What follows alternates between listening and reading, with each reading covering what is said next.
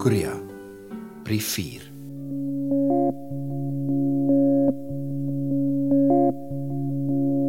Dis onverwendbaar dat dit een of ander tyd sou gebeur.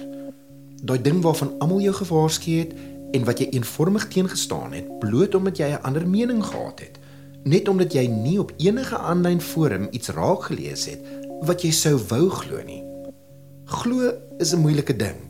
Jy kan glo of jy hoef nie te glo nie, maar jy kan nie nie glo nie.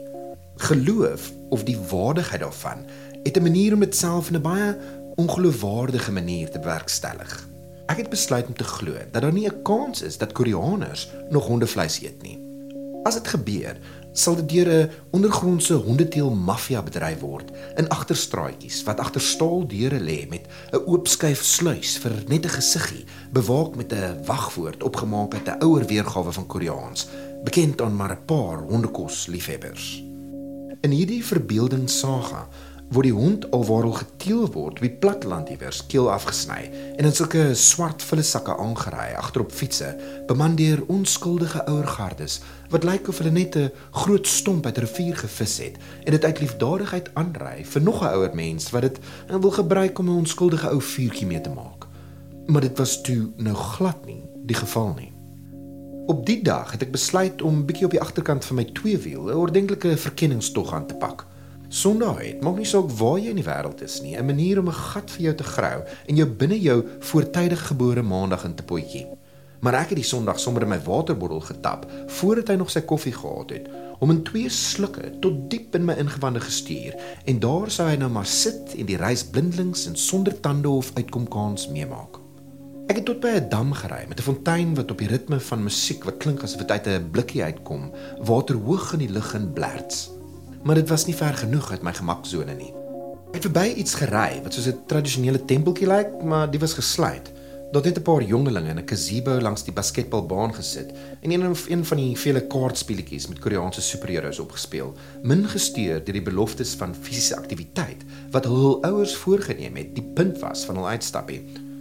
Teen 'n vieslike styl heuwel het ek getrap tot my knie binnekant toe gebuig het. Ek stoot maar verder want ek het geweet daar's 'n afdraand iewers aan die ander kant wat nie gaan weghardloop as ek 'n bietjie stadiger daarby uitkom nie. Ek vergeet nog dikwels om aan die regterkant van die straat te ry en voordat ek my oë kon uitvee, moet ek net brieke gooi want Koreaners ry met mening in netjiese geleedere sonder te veel simpatie vir fietsryers, maar wat my betref, die verkeerde kant van die pad. Die dorpie is bevolk, maar nie baie groot nie, eerder op as uitgebou. As jy ryk is hierso, bly jy in 'n woonstel op die heel boonste vloer. Ek het my nuwe gebiedsverkenningswiki opgehaat, maar my honger om net weer na Markies en downtown te ry, het uiteindelik my terug in die rigting van die oog van die warrelwind gedwing. In elke straat staan 10 besigheidjies waarvan 9 van hulle iets met kos te maak het. Goedjies is eintlik netjies en dis asof elke straatblok sy eie klein omgewingie is met sy eie inwoners en verstaanswyses wat hul bind en uit in die strate in mekaar se geselskap enforceer. Hoekom sal jy nou nie buite of in die omtrek wees nie? Niemand bedel nie, niemand skree nie, niemand doen eintlik enige iets wat nie lyk of dit daagliks deur alle ander ook gedoen word nie. Hierdie eenvormigheid skep vir baie min verrassings wat 'n baie opsetlike en in in 'n mate eendragtige ervaring van veiligheid en voorspelbaarheid lewer. Jy kan hier in Korea op die sypaadjies met jou fiets ry. Ek kry dit al reg om my klokkie se klank so meesterlik te stuur as 'n tipe sensoriese audiostraal dat ek die perfekte balans gevind het tussen om iemand laat voel dat ek al strategies en met mening op hul boutjies piets en terselfdertyd saggies uit my bledie pad uit maan.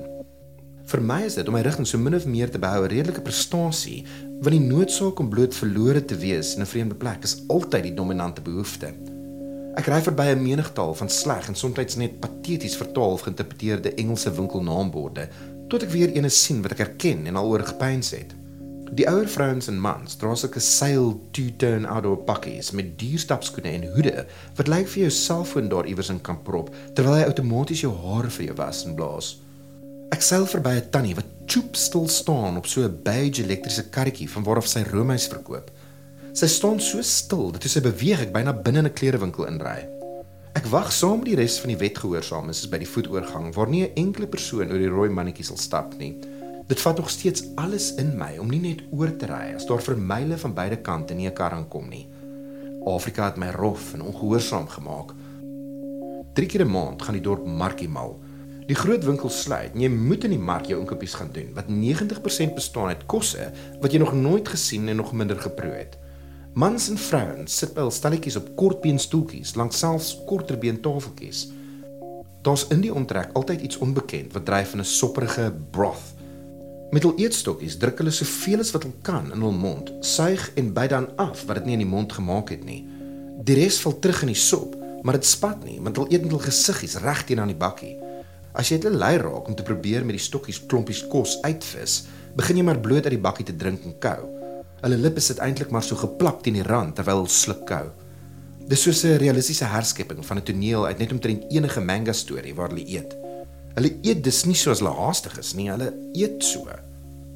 In die middel van die paadjie sit stokou vroue wat maar 'n 'n lappie land iewers het en tradisionele boontjies en vruggies verkoop. Hulle maak seker so R300 oor die dag, maar dit is 'n sosiale gebeurtenis en almal wil hê jy moet iets proe. Die keer stap ek met meer konsentrasie deur die mark. Toe ek en Marga die eerste keer daar was, was dit maar ons tweede week in die land en ek kon nog nie stap, dink en asemhaal op dieselfde tyd nie. Nou kyk ek net nie, ek neem waar. Ek soek 'n tipe gedroogde vrug wat so 'n sioel raak geëet drink het. Daar's ook sulke kewers wat hulle droog en braai. Bondigi noem hulle dit. Hulle lyk soos bruin torre. Ons het vertel dat dit vreeslik smaaklik is, maar soos ek voor die bak staan en die vrou vir my 'n handvol aanbied, ruik ek elke onbekende reuk wat my daardie middag in die markie geslaan het op dieselfde oomblik en besef ek sal nooit daai gogga aan my mond kan sit en kou nie. Daarna stap ek vinniger deur die mark en ek wil eintlik nou net tot by die einde kom. Daar's nog 'n draai om die draai wat ek vat wat oopvou in 'n binnemark wat verseker nog 500 meter in vier verskillende rigtings ingaan. 'n Mens volg maar altyd jou neus en ek kies die laningkie wat voorkom of dit die minste kos en die meeste ventilasie gaan in hê. Daar's 'n grasmat waar baie van die volk slaap wat ons gedink het 'n goeie huistapijt sal maak. Ek gewaar een wat aan die vereistes voldoen wat maak vir my uiteengelê het. Soos wat ek dit in my hand ronddraai, vang die prentjie van die hond op die slagtery langs aan sy naambord my oog.